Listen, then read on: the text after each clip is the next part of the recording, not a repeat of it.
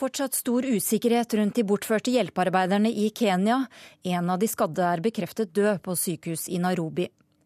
Det er større risiko for å dø av røyking enn av basehopp, sier psykolog som har målt lykkenivået hos basehoppere. Og ikke flørt med buddhismen, Mette-Marit, sier kristenfolket.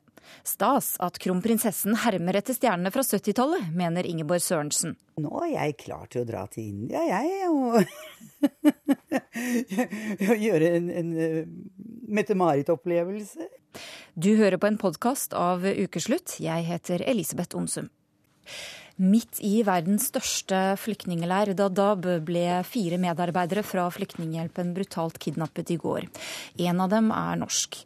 Generalsekretær Elisabeth Rasmusson, som satt i en av bilene, kom seg så vidt i sikkerhet.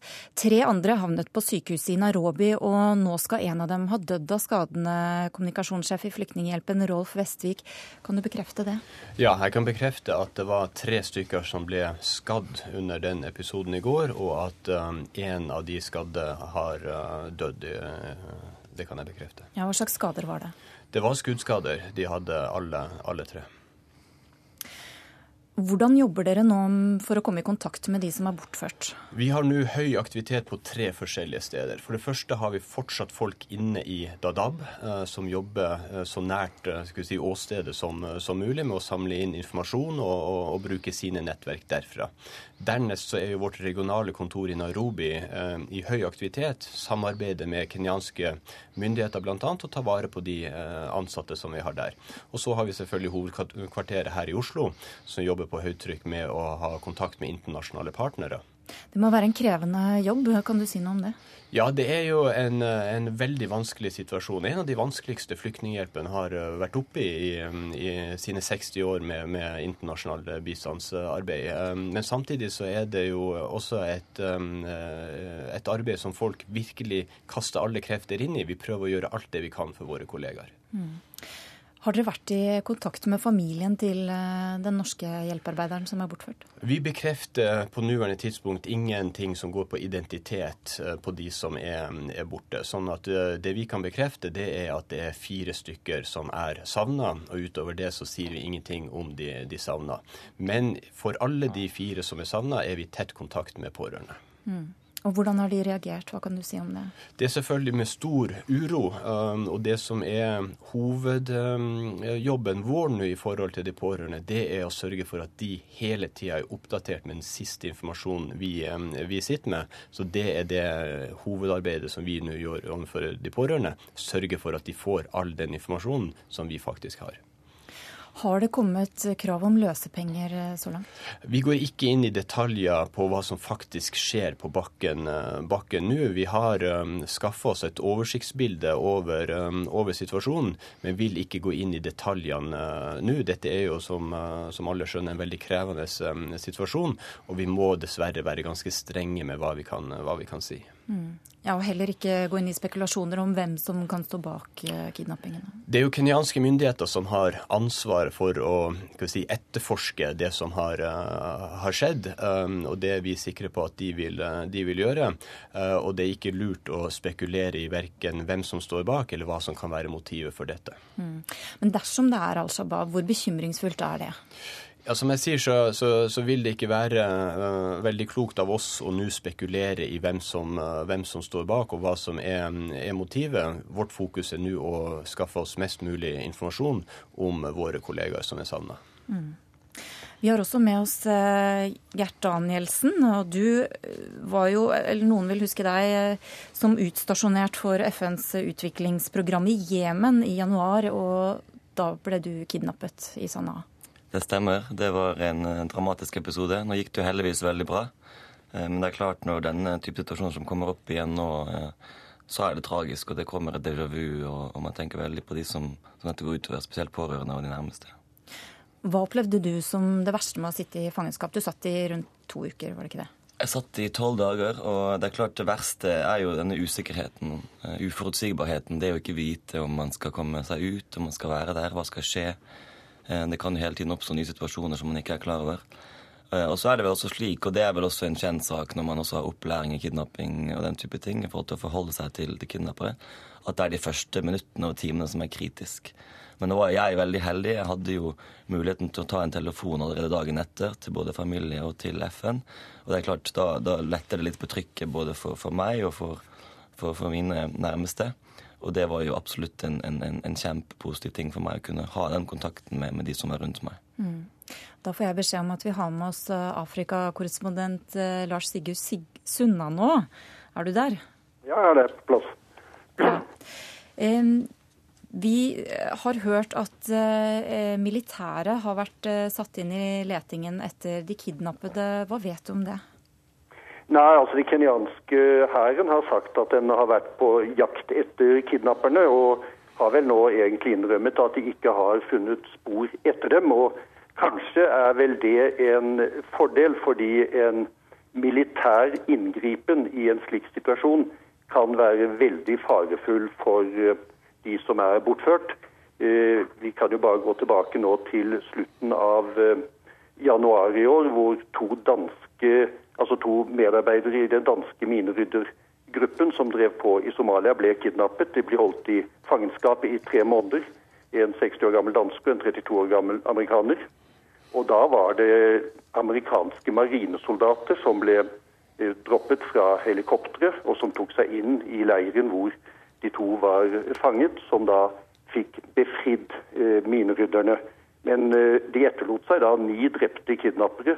Sånn at dette er kompliserte operasjoner, og jeg tror ikke at den kenyanske hæren eller det kenyanske politiet har den nødvendige ekspertisen til å befri gisler militært. Enten da måtte være inne i Kenya eller inne i selve Somalia. Mm. Har det kommet fram noe mer om eh, hvem som kan stå bak disse kidnappingene? Mange har pekt Nei. på Al Shabaab. Ja, Det pekes jo på Al Shabaab, altså. Men det er klart at kidnapperne, hvis de skal kunne ferdes inne i eh, Somalia og slå seg til der, må ha støtte enten i en landsby eller hos en klan, eller om nødvendig hos Al Shabaab. Men, men dette er eh, foreløpig helt uklart hvem det er som har stått bak bortføringen. Om det har politiske motiver, eller om det er rett og slett økonomisk vinning som er drivkraften bak disse, denne ugjerningen. Mm. Hvor uheldig vil du si det er for kenyanske myndigheter at eh, hjelpearbeidere blir kidnappet på den måten? Det er veldig uheldig for Kenya som nasjon at uh, folk kan dra inn over grensen til uh, Kenya og kidnappe utenlandske statsborgere. Og det øker jo bekymringen hos veldig mange som har tenkt seg på ferieturer til uh, øst, den østlige delen av Kenya at det skjer denne type ting. Så dette ser kenyanske myndigheter veldig veldig alvorlig på. Mm. Takk skal du ha. Eh, Vestvik, hvor bekymret er dere for at eh, dette kan skje, skje igjen? Det er jo klart at Når man er en organisasjon som jobber med flyktninger, så oppholder jo de seg ofte i krigs- og konfliktområder. Så skal man komme fram med god bistand, god nødhjelp til mennesker som er på flukt, så må man jo ofte bevege seg i områder som er konfliktfylte. Eh, så det vil jo alltid være en viss risiko forbundet med mm, profesjonelt internasjonalt eh, nødhjelpsarbeid. Vi gjør jo alt det vi kan for å minimere risikoen for våre, eh, våre våre ansatte. Men eh, det er nok sånn at også i framtida så vil det være en, en, en risiko forbundet med ja, for. Uten våpen så er dere et ganske lett bytte? Ja, og vi skal jo ikke ha våpen. Vi skal jo bygge på at vi har en aksept fra alle parter i en konflikt om å kunne drive nøytralt um, hjelpearbeid. Uh, derfor så vil ikke vi bruke våpen uh, for å beskytte oss. Vi vil ha aksept fra alle partene. Mm. Danielsen, hva tror du at episoder som dette kan føre til? Fører det til en økt frykt hos, hos dere som er internasjonale hjelpearbeidere? Det er klart det gjør det. Man, man blir jo redd og man blir bekymret for at ting, sånne ting kan skje igjen. Nå er det også slik at Jemen har også hatt enkeltepisoder senere. Så, så det, det, er klart det er bekymringsverdig. Men samtidig så er det sånn som Vestvik sier, at dette er et arbeid som vi er veldig opptatt av. Dette er et arbeid som betyr veldig mye for oss. Det er utrolig mange som trenger både assistanse og støtte. Og vi har også gode regler og restriksjoner på, på, sikkerhet. Jeg vet også at i flere land så har man opplæring i hvordan man skal takle sånne situasjoner, helt spesifikt. Så vi vil jo bare fortsette å, å, å jobbe med dette som vi brenner for, og da prøve å få mest mulig opplæring og trening i hvordan man skal både holde seg i sikkerhet og samtidig takle vanskelige situasjoner. Mm.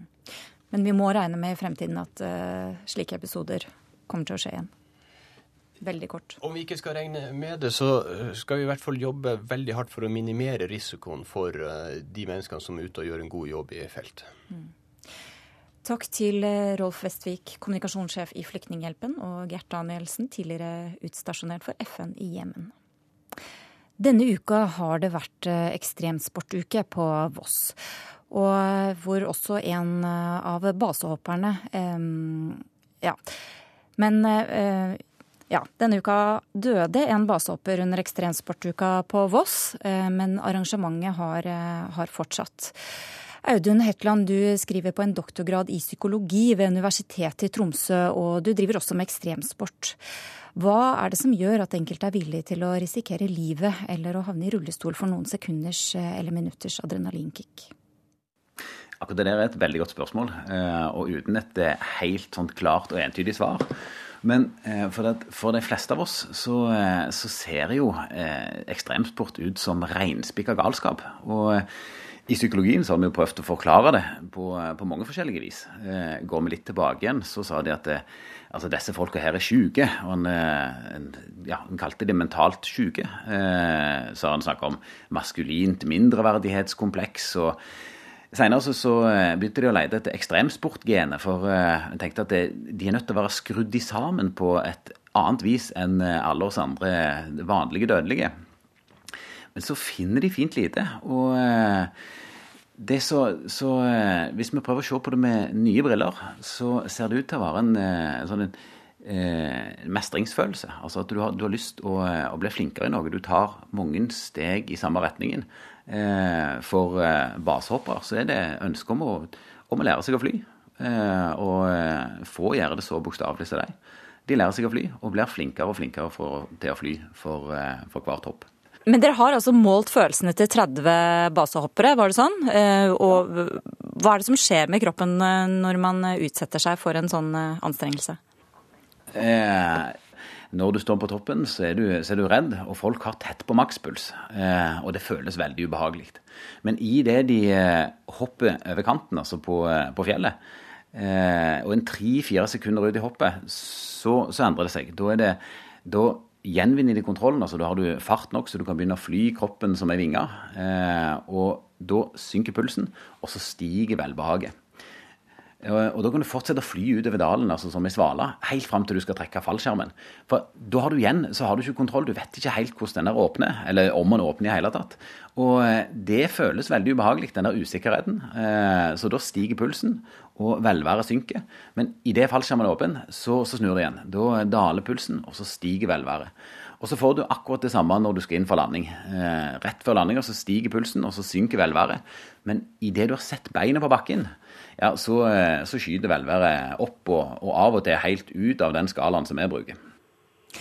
Joakim Sommer, du kan faktisk eh, fly, du. Hvordan føles det? jo, det, fly, det, føles helt nydelig, faktisk. Kjenner du deg igjen i det som eh, Hetland beskriver her? Ja, ja, ja. Det er mye av det jeg kjenner meg igjen i når jeg på, på alle mine hopp. da. Jeg stoler veldig på pakkinga mi, så jeg, jeg, er ikke så stressa hver gang jeg åpner fallskjermen. Men, men, ellers er det greit. Mm. Men du flyr jo også, du har jo en litt sånn Batman-drakt egentlig, som du flyr rundt i, og du sneier eh, fjellsiden og tretoppene, holdt jeg på å si. Um, mm. Ja. Jeg kjenner, når jeg ser på det, så kjenner jeg at jeg blir litt misunnelig, men jeg blir også kanskje vel så redd.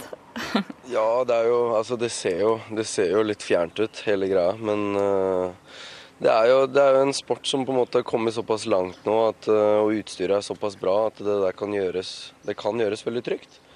Og med en gang du har lært deg det og du har gjort nok innsats for å, for å komme dit, så, så, er det ikke så hokus pokus, egentlig. Mm. Nå har jo du hoppa sånn rundt 410 hopp, var det vel. Men husker du første gang du hoppa fra en høy fjelltopp? Ja, det var jo det var i Kjærag, det, i 2008. Var, jeg husker det veldig godt. Jeg var en av de første som skulle hoppe av. Når vi var, vi var mange elever. Og det var jo helt god stemning. Var, jeg var jo jeg var stressa, men uh, jeg gleda meg så mye at jeg klarte ikke å vente. Og så husker jeg, jeg husker liksom jeg, jeg kom, fikk litt dårlig exit, så jeg var litt lavt med hodet først. Så jeg så liksom på veggen, og det var bare sånn litt sånn surrealistisk. Ja. Men uh, helt klart uh, en følelse jeg aldri kommer til å glemme. da. Ja, men Tenkte du da at dette kan gå galt? Nei, jeg tenkte ikke det da, fordi da, da hadde jeg gjort så mye trening på forhånd. Og jeg tok jo et kurs, så jeg tenkte jo at dette her er jo bankers. Man kan ikke tenke sånn på første hoppet. Nei, men eh, kan man styre det, da? Ja, ja, altså det Man har jo, man har jo gjort masse forarbeid for å komme dit, så når du først er der, så, så er det jo klar. Jeg syns det, det der er et veldig godt eh, poeng. For at eh, jeg tror at vi er født redde for, for en del ting. Eh, blant annet altså, edderkopper og slanger og mørke osv. Men, òg høyde. Eh, sånn at det, når, eh, når alle av oss går ut en plass der er bratt, eh, så kjenner du det i magen. Altså, det, og kroppen reagerer. Og eh, de fleste av oss det rygger jo da tilbake igjen i sikkerhet. Men eh, så ser du noen sånne da som, eh, som Joakim, så eh, i stedet for å gå baklengs, tar fart og så bare hopper i det. Og det, når dette toucher inn på noe av det som, liksom, som er medfødt redde, så virker det for oss fullstendig uforståelig. Men det som, er saken, er jo at ekstremsportsutøvere er jo spesialister på si grein. Eh, Men det som vi ser f.eks. av et basehopp, det er bare det der siste og spektakulære steget. Og så glemmer vi det at, det, det, at dette her bare er det siste steget i en veldig lang rekke med steg. altså sånn, Der ligger årevis med trening og forberedelse bak før de står på, på fjelltoppen.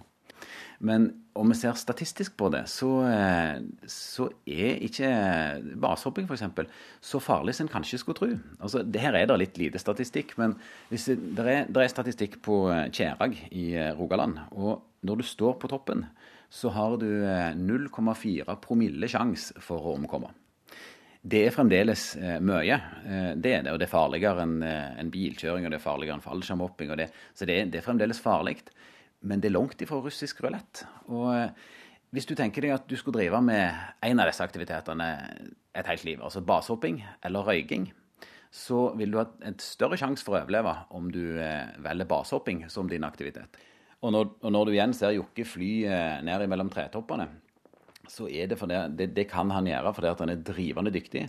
Eh, ikke fordi at han er, altså, ikke er glad i livet sitt. Nei, kanskje heller tvert imot. Men, men fordi at eh, han har kompetansen til det. Men Jokke, når jeg ringte deg eh, i går, så da sto du på en eh, fjelltopp, og du skulle, det var rett før du skulle hoppe. Ja, Og- det stemmer det. Ja, og, og det første du sa til meg, har det skjedd en eh, ny ulykke? Ja, fordi eh, du ringte jo fra NRK, og så det samme skjedde jo dagen før der igjen, når det faktisk var en fallskjermulykke. Så var det en fra TV 2 som ringte og spurte om masse greier, og da tenkte jeg kanskje at det her var et av de sa. For jeg visste jo at det var masse basehoppere som hadde vært ute og hoppa. Men har du, har du vært redd for eh, å dø noen gang? Ja, altså du har alltid så- Altså jeg er ikke sånn Jeg er ikke sånn veldig fysisk redd for det, men det er sånn Når jeg står der, så kan det liksom Eller når jeg er på vei opp, så kan jeg kanskje tenke igjennom det at, eh, at eh, hvis jeg skal gjøre en, en drøy linje, f.eks.. Og da er det noen ganger jeg tenker igjennom hvis det er et farlig sted vi skal hoppe, at eh, jeg må være, enkelte ting jeg må være ekstra forsiktig med, så ikke det faktisk går med livet. Da. Men det er, en, det er en ting som alltid er i bakhodet. Du må ha det i bakhodet, ellers så kan det gå galt. Har du, sånt, eh, har du en drøm i forhold til eh, et sånt ultimat hopp? Noe du har veldig lyst til å gjøre? Ja, jeg har, jeg har veldig lyst til å bare hoppe ut av et helikopter over en storby og så fly eh, mellom disse skyskraperne i bl.a. Dubai. Det, er- det er noe jeg har veldig lyst til. Så det litt er sånn- litt sånn der, Litt sånn som Supermann back in the days. Ikke sant? Og Batman. Ja, og ikke minst Batman. Da sier jeg bare takk til Audun Hetland, forsker i psykologi ved Universitetet i Tromsø, og Joakim Sommer, ekstremsportutøver. Takk skal dere ha. Noen satte kirkekaffen i halsen da de fikk se bilder av en hippiekledd kronprinsesse på tur i Kashmir denne uka. Mette-Marit er nemlig i, i Himalaya med en egen meditasjonsguru. Men kollega Kari Li har møtt tidligere modell og jetsetter Ingeborg Sørensen, som tar kronprinsessen i forsvar. What's the deal? Altså, hva er, hva er det å kritisere? Er det sjalusi? Er det jantelov? Tidligere modell Ingeborg Sørensen har full forståelse for at Mette-Marit har trukket til fjells med en meditasjonsguru. Hun har sikkert behov for den. Det er ikke noe lett liv hun lever. Samme hvor forelsket man er, så kommer jo alltid hverdagen, ikke sant, og nedover hodet på deg. Noen har beskyldt kronprinsessen for å sløse bort skattepenger på selvrealisering. Espen Ottosen i Misjonssambandet er en av dem som mener Mette-Marit ikke kan være kristen hvis hun flørter med buddhismen. Kronprinsesse Mette-Marit har uh, talt tydelig om viktigheten av den kristne tro. Hun har vært opptatt av de kristne salmene. Eh, hun har rett og slett fremstått med en tydelig kristen tro i offentligheten. Og da syns jeg rett og slett ikke det rimer helt eh, at hun plutselig eh, oppsøker en buddhistisk guru. Vær deg selv tro. Praktiser din tro. Og hold munn. Ikke sant? Ingeborg Sørensen har satt på musikk for å komme inn i Spirituelt mood. okay. Så får ukeslutt innføring i meditasjonsteknikk. Du, du, du, må ikke gå på inn- og utoverpust, ikke sant? Og du må puste Rett og slett. Du skal puste fra Hva heter det? Magen. Ja, og ikke, ikke, fra Sørensen sliter av og til med å finne de norske ordene etter mange år i Los Angeles. Det var der Sørensen lærte å meditere sammen med de store stjernene på 70-tallet.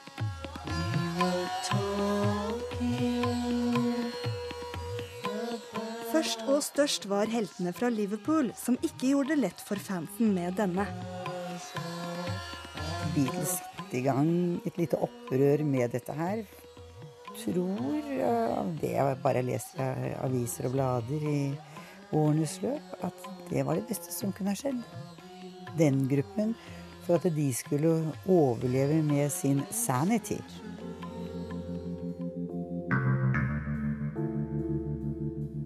Også, og David Lynch eh, er jo en veldig stor eh, fan av TM. Og det er TM som jeg er interessert i på dette stedet. TM er Det er transcendental meditation. Ikke sant? Og det var det også Beatles holdt på med med Harishi Mash, er det ikke det han heter? Uh, yogi i India. Uh, så alle disse store gutta, i parentes, uh, har jo faktisk indisk bakgrunn. Og når kronprinsessen nå følger i de gamle heltenes fotspor, får hun antakelig, som dem, et mantra av sin guru. Det er et hemmelig ord som du får, som egentlig ikke betyr noen ting. Som du skal gjenta og gjenta og gjenta. Og det ordet må du ikke si til noen andre, for det er bare ditt.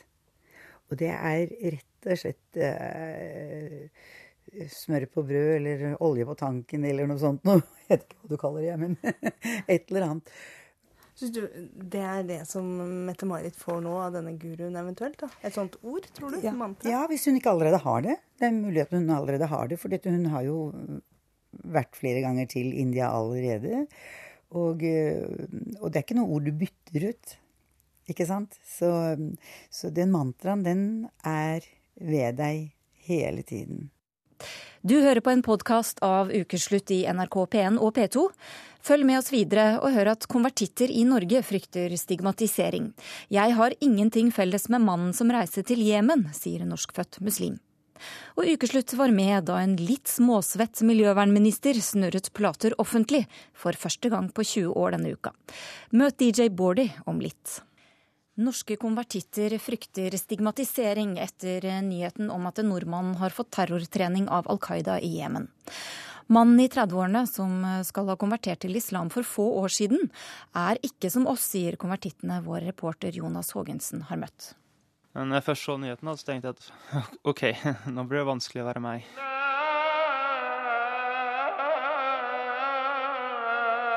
Josef Asidik før Per Barto Hansen tenker tilbake til tirsdag denne uka, da mobilen var fylt opp av beskjeder fra journalister og en nordmann var etterlyst for terrortrening i Jemen. Josef konverterte i 2009 som 19-åring, anla skjegg og ikke tradisjonelle muslimske plagg. Det var vanskelig for familien å godta. Jeg husker når jeg fortalte henne det, så reiste pappa seg opp og skrek. Og um, vi krangla nesten kontinuerlig i tre måneder. Og da fant vi det at OK, uh, vi har forskjellig tro, og vi må klare å leve sammen for det. Josef tror saken om nordmannen i Jemen kan gjøre det vanskeligere for nye konvertitter til islam i fremtiden. Jeg, for meg så er det jo greit, for jeg har liksom mine standpunkt og har sagt det ganske tydelig. Men jeg tenkte for de som kanskje er nylig har konvertert og skal fortelle familien sin at OK, jeg har konvertert til islam, så får de det kanskje enda verre enn jeg gjorde. Det har veldig lite med islam egentlig å gjøre. Det, altså, terror handler jo om politikk og lidelse. Mariam Tone Skogen, eller Valje Lykkelig som hun kaller seg som blogger, har utslått rødlig hår, små briller og rød leppestift. Vi sitter på en benk på Grønland, hvor flere rundt oss går med både hijab og nikab. I 2006 konverterte Mariam til islam og begynte selv å gå i hijab, heldekkende klær og hansker. Jeg eh, ble jo litt fanga i begynnelsen av uh, disse endringene. Det er ganske store, synlige endringer med bønneteppe og bønnetider og bønneklokker og hijab og tildekning og nye regler. Og jeg prøvde meg litt fram, da. Fomla litt i starten. og oppdaga plutselig at jeg, var, eh, at jeg levde et eh, liv jeg egentlig ikke trivdes så godt med, og begynte å finne min egen balanse. I dag er hun opptatt av det hun kaller progressiv islam, og advarer mot eh, noen grupperinger i Norge, som den kontroversielle foreningen Islamnett, som hun mener kan være med på å radikalisere unge, søkende muslimer. Islamnett støtter jo en veldig fundamentalistisk tolkning av islam. Men er en organisasjoner som Islamnett, som forfekter et sånt fundamentalistisk eh, syn på Koranen som du ser det, er de eh, farlige på noe vis? Altså, ikke direkte farlige. De arrangerer ikke noe terrorleire eller eh, befaler folk til å gjøre noe som helst galt. Men det er jo det er et usunt miljø som ikke åpner for fri debatt og kritisk tenkning.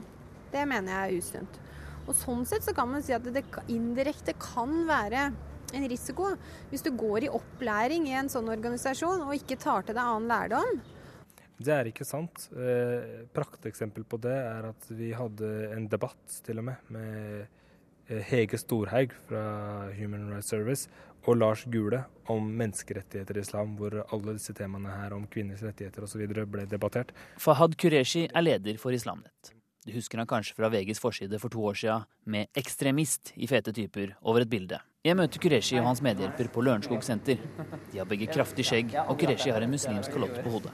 De er mistenkelige til pressen, og da Ukeslutt ville gjøre intervju, tok det lang tid før de aksepterte, og de ville filme hele intervjuet. Ok, Er det lov å filme her ute? Nei, det var det som heller ikke var lov. Ok, hele liksom Hei. Hei. Morgen. Jeg jobber som driftssjåfør. jeg. Hyggelig. Men Lørenskog-senteret ville ikke bli filmet, og vi måtte sette oss på hotellet ved siden av. Kureshi mener det er sånne som Skogen som hauser opp kontroversene rundt Islamnett. Du har hun Valgerd Skogen, som er av, de en, av den ene prosenten avvikere som uh, prøver å forandre på islam. Han mener flertallet av alle muslimer tenker som han. Men siden noen muslimer har mer vestlige verdier, får de bedre omtale i norske medier. Det er en stemme som uh, man liker, fordi de samsvarer med de verdiene man selv har. Så det er det som ofte fører til at majoritetsmuslimene, 99 stigmatiseres. Eh, det er jo ikke ulovlig å være radikal eller ekstremist i Norge.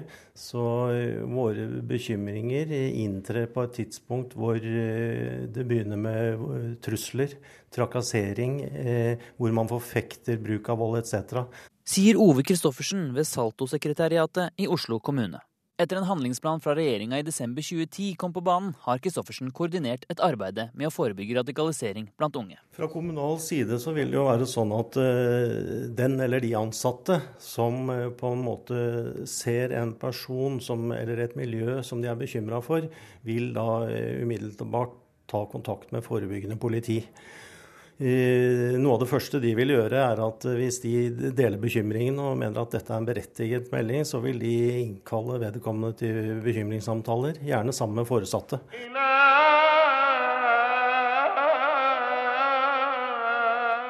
Josef Bartoa Asidik, gutten fra Nøtterøy som konverterte i 2009, er en av dem som fikk et plutselig besøk fra PST. Og jeg hadde akkurat kommet hjem fra Egypt. Der jeg hadde vært i fire, uh, fire uker og studert arabisk. Og da kom de på jobben min og gikk ned på kontoret og presenterte seg som arabisklærere fra Universitetet i Oslo. Og så kom de da opp til der jeg satt, da, og så spurte de om vi kunne ta en liten prat. Og så gikk vi inn på et grupperom, og da presenterte de seg som PST. Og jeg har aldri vært i kontakt med politiet eller PST eller noe som helst, jeg ble jo først ganske redd og liksom tenkte Hva har jeg gjort? liksom, er det meg de er ute etter, eller hva skjer nå, liksom? Og så viser det seg at det, um, jeg hadde veldig mange venner på Facebook da, som de hadde liksom De ønska å vite litt mer om. Og jeg har alltid vært sånn at jeg bare har akseptert folk på Facebook, så det er ikke sånn at jeg nødvendigvis kjenner alle folkene jeg har der. Men så var det noen navn da som jeg kunne liksom si at jo, de jeg møtte i moskeen og, og sånne ting. Følte du deg mistenkeliggjort? Ja, altså De var jo ganske klare på det der, da. At liksom Det var vennene mine på Facebook, men man føler liksom sånn der eh, Kanskje de er litt skeptiske til meg òg, men jeg har jo aldri hatt noen sånne holdninger. Tross den ubehagelige opplevelsen mener han at PST gjør en god jobb. For han presiserer at det er vanskelig, selv for de som er i miljøet, å komme de radikale i møte. Det er rett og slett vanskelig å komme i kontakt med de. Jeg prøver selv og sier at jeg ønsker å møte de og snakke litt med de og sånne ting, men de, de bare holder seg for seg selv, rett og slett. Litt sånn som, ja, som man opplevde Breivik, da, at han var litt sånn der eh, radikal på nettet, men han møtte aldri noen og var bare hjemme. Mens Mariam på Grønland sier det er trist at konvertitter nå får dette fokuset. Derfor er det kjempetrist at nå konvertitter skal bli en, eh, et enda skumlere stempel. Da. Men jeg, jeg, tror egentlig ikke det er et resultat som kommer til å skje. og Det er jo også derfor jeg skriver den Islam i Norge-bloggen og står fram og forteller at vi er mange helt normale mennesker. Eh, vi er ikke farlige. Og det er ikke sånn at enhver muslim eller konvertitt må svare for hva andre har gjort feil. fordi jeg har virkelig ingenting til felles med denne mannen som har dratt til Jemen. Ja, og Ukeslutt har vært i kontakt med PST også, men de ønsker ikke å kommentere saken. Saken om nordmannen i Jemen har også vært sitert i noen arabiske medier. Jeg ringte redaktøren i The Yemen Post for å høre hva han vet. Han forteller at myndighetene nekter for at de kjenner til nordmannen, men han bekrefter at Al Qaida har sagt at de ønsker å bruke vestlige rekrutter i terroraksjoner. Al Qaida is planning to attack Uh, this was announced by the militant group uh, months back. Al Qaeda is trying to attack using um, Western citizens. Uh, that is the case because they did announce that. But is there any proof that a Norwegian was involved? That's where I don't think uh, is or lacks at least some evidence, whether from Yemen or from the European intelligence agencies, Uh, Kjetil Stormark, du er forfatter og journalist, og du har jobbet en del i Jemen i forbindelse med Martine-saken, bl.a. Eh, hva vet vi nå om denne nordmannen? Vi vet ikke fryktelig mye. Vi, hvis vi skal tro på det som har kommet fram, og det er på en måte litt vanskelig å ta stilling til eh, hvor sikker all informasjonen er som vi får tilgang til, så, så synes det som om Eh, PST iallfall har vært klar over denne nordmannen og vært eh, oppmerksom på han og hans kontakt med, med deler av det radikale islamistiske miljøet i, i, Norge, men ikke vært klar over de konkrete terrorplanene som, som lå her. Og Det tyder jo på at det er andre som driver dette spillet, at dette er en sak som eies av andre enn PST, og at det er Eh, større etterretningstjenester som, som, egentlig er de viktigste aktørene i spillet, det internasjonale spillet, rundt eh, denne nordmannen, som man frykter kan bli brukt eh, til å gjennomføre et oppsiktsvekkende terrorangrep et sted i Europa.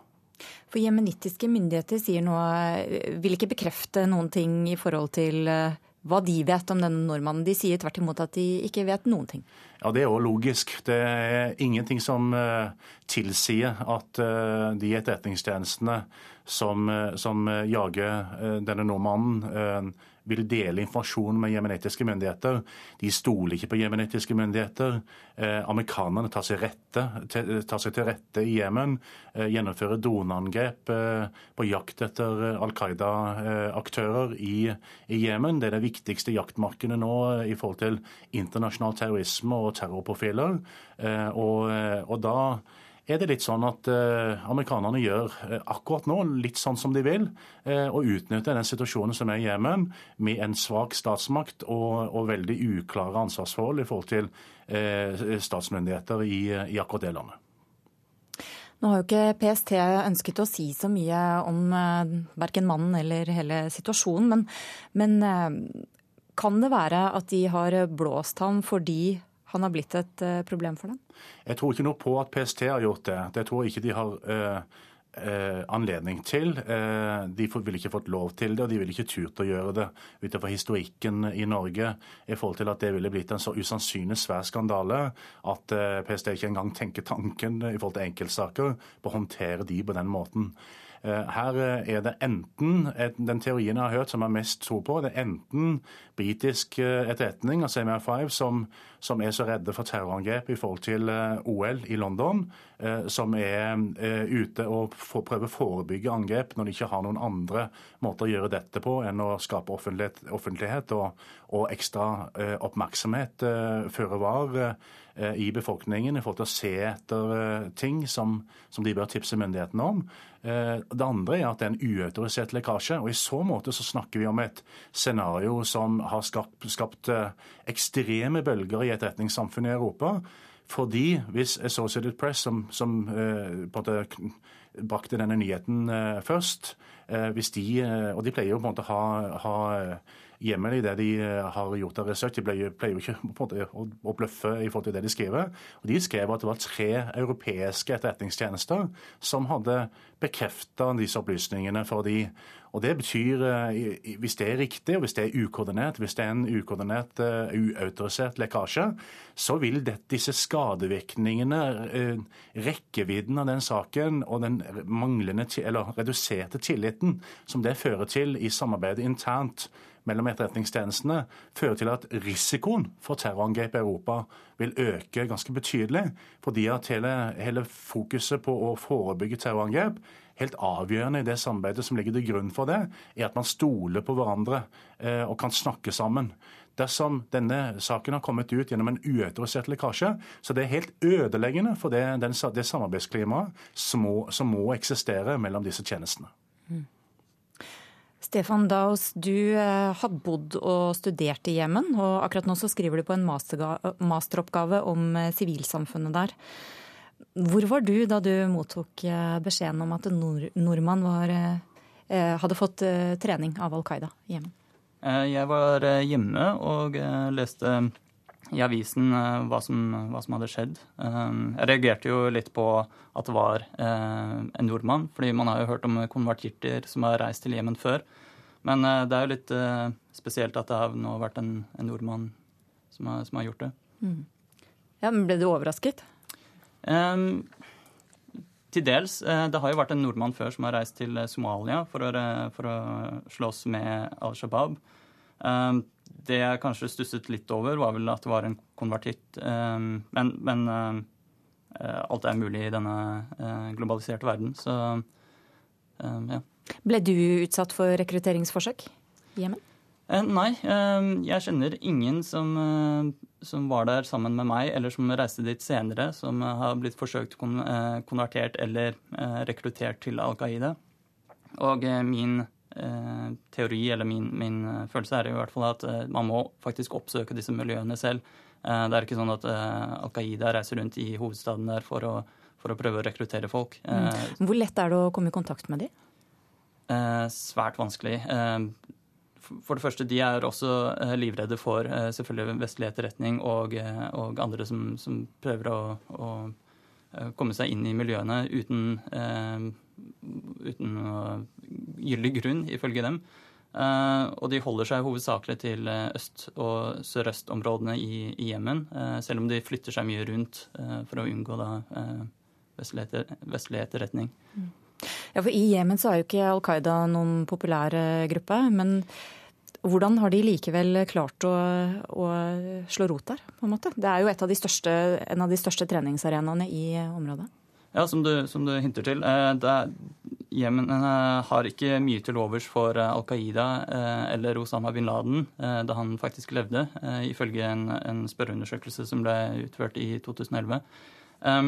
Men holdningene til, til eh, si, vestlig innflytelse eh, på det politiske planet, det er nok mye mer negativt. Så det er jo noe som Al Qaida kan spille på. Eh, det å faktisk henvise til at USA bruker i hvert fall det tidligere regimet som, som dukke i dette spillet mot Al Qaida.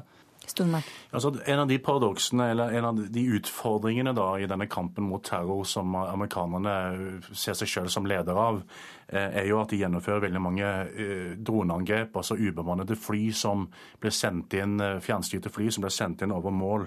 De har i den siste tida drept veldig mange sivile. Til og med en, en Røde Kors-ansatt, lokal Røde Kors-ansatt er blitt drept de siste dagene i den type angrep. Det er såpass mange sivile som blir ramma av upresise angrep for tida, at det fører nå til, og har ført til de siste ukene, at den Eh, folkelige støtten til Al Qaida-elementene i Jemen er i ferd med å øke ganske betydelig. Det er et paradoks i, i, i denne situasjonen. Jeg har snakka med folk som er, har som kontakter i Jemen, senest i går, og, og de er bekymra for denne utviklingen. fordi at det er denne måte, kampen som USA eh, står for, eh, i forhold til å måte, få has på, på, eh, på Al Qaida elementer i Jemen kan bidra til, eh, satt på spissen, til at Al Qaida får et mye mye sterkere fotfeste i Jemen. Og Det er ganske, ganske bekymringsfullt. Mm. Hva tror dere kommer til å skje videre med denne nordmannen og denne saken? Jeg tror nordmannen, så lenge han er i Jemen, så lever han et farlig liv. Og så lenge han er der, så øker risikoen dag for dag for at han kan risikere å bli tatt av dage. Det tror jeg. Mm. Eh, jeg mener at spørsmålet heller bør være dersom han blir tatt av dage, eller dersom han faktisk eh, ikke blir en trussel, eh, vil disse konvertittene fortsette å reise ned dit? Vil USAs strategi mot Al Qaida lykkes? For slik det ser ut nå, som Kjetil påpeker, så, så, ser det ikke så veldig positivt ut med utviklingen der. Og særlig nå under revolusjonen. Takk til Stefan Daus og til forfatter og journalist Kjetil Stormark. Hvis jeg sier Bård Vegar Solhjell, da sier du mest sannsynlig miljøvernminister, SV eller også kanskje sperregrense. Men denne uka tørket ministeren støvet av en 20 år gammel hobby. Altså, jeg er egentlig litt spent, sant, for det, det, det, er jo Altså, jeg var, jeg eh, var, litt DJ i ungdommen. Jeg var ikke akkurat i norgestoppen. Så jeg, jeg mener at jeg er litt spent, så jeg skal bort og prøve utstyret. Se om jeg husker det, hvordan det gjøres. I et kveldstomt miljøverndepartement kaster han dressen og får på seg DJ-habitten. Hvit skjorte, røde bukser, blå sneakers. Og det er en god stund siden sist. Og her kommer DJ Bårdi. Hei, hei. God kveld. Ja, nå skal jeg ut og spille plater.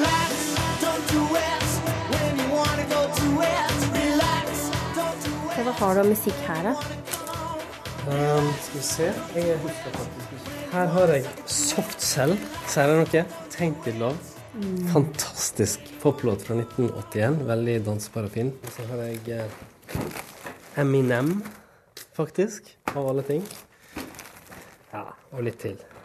Men det skal um, helst være vinyl, eller? Altså, det er um, Ja, jeg juksa litt i faget. Altså, det, er nok, det er jo på en måte det. Men jeg er jo ikke Altså, jeg har, har med meg masse vinyl, og så har jeg en del CD-er som er på vei bort dit nå. Så jeg kommer til å bytte litt på. Uh, og så er jo ikke Altså, de som er liksom skikkelig DJ, de har jo perfeksjonert kunsten å skifte plater og driver med all mulig sånn scratching og jeg, er ikke, jeg, er ikke, der, altså. Jeg er bare en uh, hobby-DJ. Ja. Han skrur ned forventningene DJ Bårdi. Han eh, spilte sammen med partikollega Snorre Valen på boklansering i fjor. Men eh, hvor rusten er han egentlig? Mm. Det jeg lurer på, bare jeg, husker det. Altså. Er du komfortabel? Kjempefint. Da tror jeg Eller, eh, Ja, det er bare å si fra nå. Ja, nei, men det, jeg tror det, det jeg